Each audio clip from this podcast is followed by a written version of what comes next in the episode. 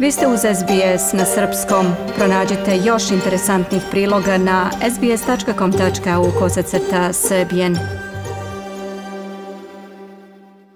Nastavljen je dijalog vlade i Mitropolije Crnogorsko-Primorske. Današnji sastanak dva ekspertska tima u Vili Gorice trajao je pet sati. Obje strane zadovoljne su kako je razgovor protekao po riječima potpredsjednika vlade Zorana Pažina i člana ekspertskog tima Mitropolije Dragana Šoća. Dijalog između vlade i Mitropolije Crnogorsko-Primorske, odnosno ekspertskih timova oba subjekta, prošao je u duhu uzajamnog uvažavanja i otvorenosti za argumente protivne strane.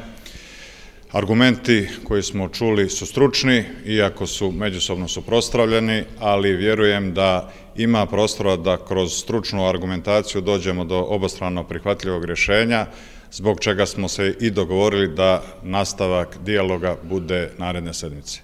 Ono što je važno, želim da istaknem, jeste da su predstavnici vlade otvoreni za razgovor o izmjeni zakona, što mi tumačimo kao pokazivanje dobre volje da se problem riješi onamo gdje je njegov izvor, a izvor njegov je u zakonu.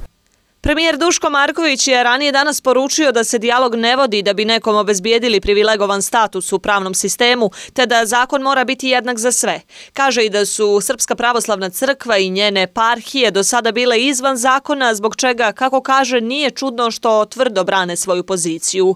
Samo za 62 službenika koja su prijavili ovih dana Poreskoj upravi naknadno kao rezultat institucionalne kontrole, duguju državi, odnosno trezoru preko 2 miliona eura poreza i doprinosa, kaže Marković.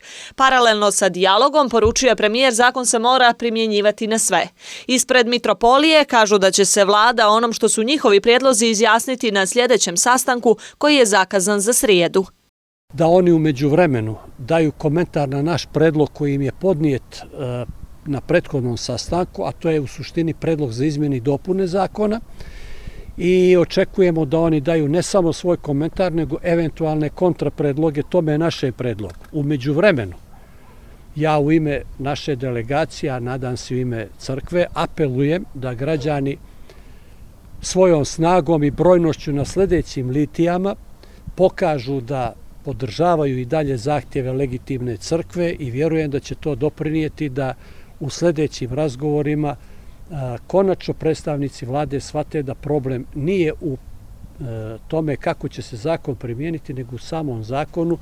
Podsjećamo da je odluka da dijalog bude održan na ekspertskom nivou donijete na prethodnom sastanku premijere i mitropolitan Filohije 14. februara.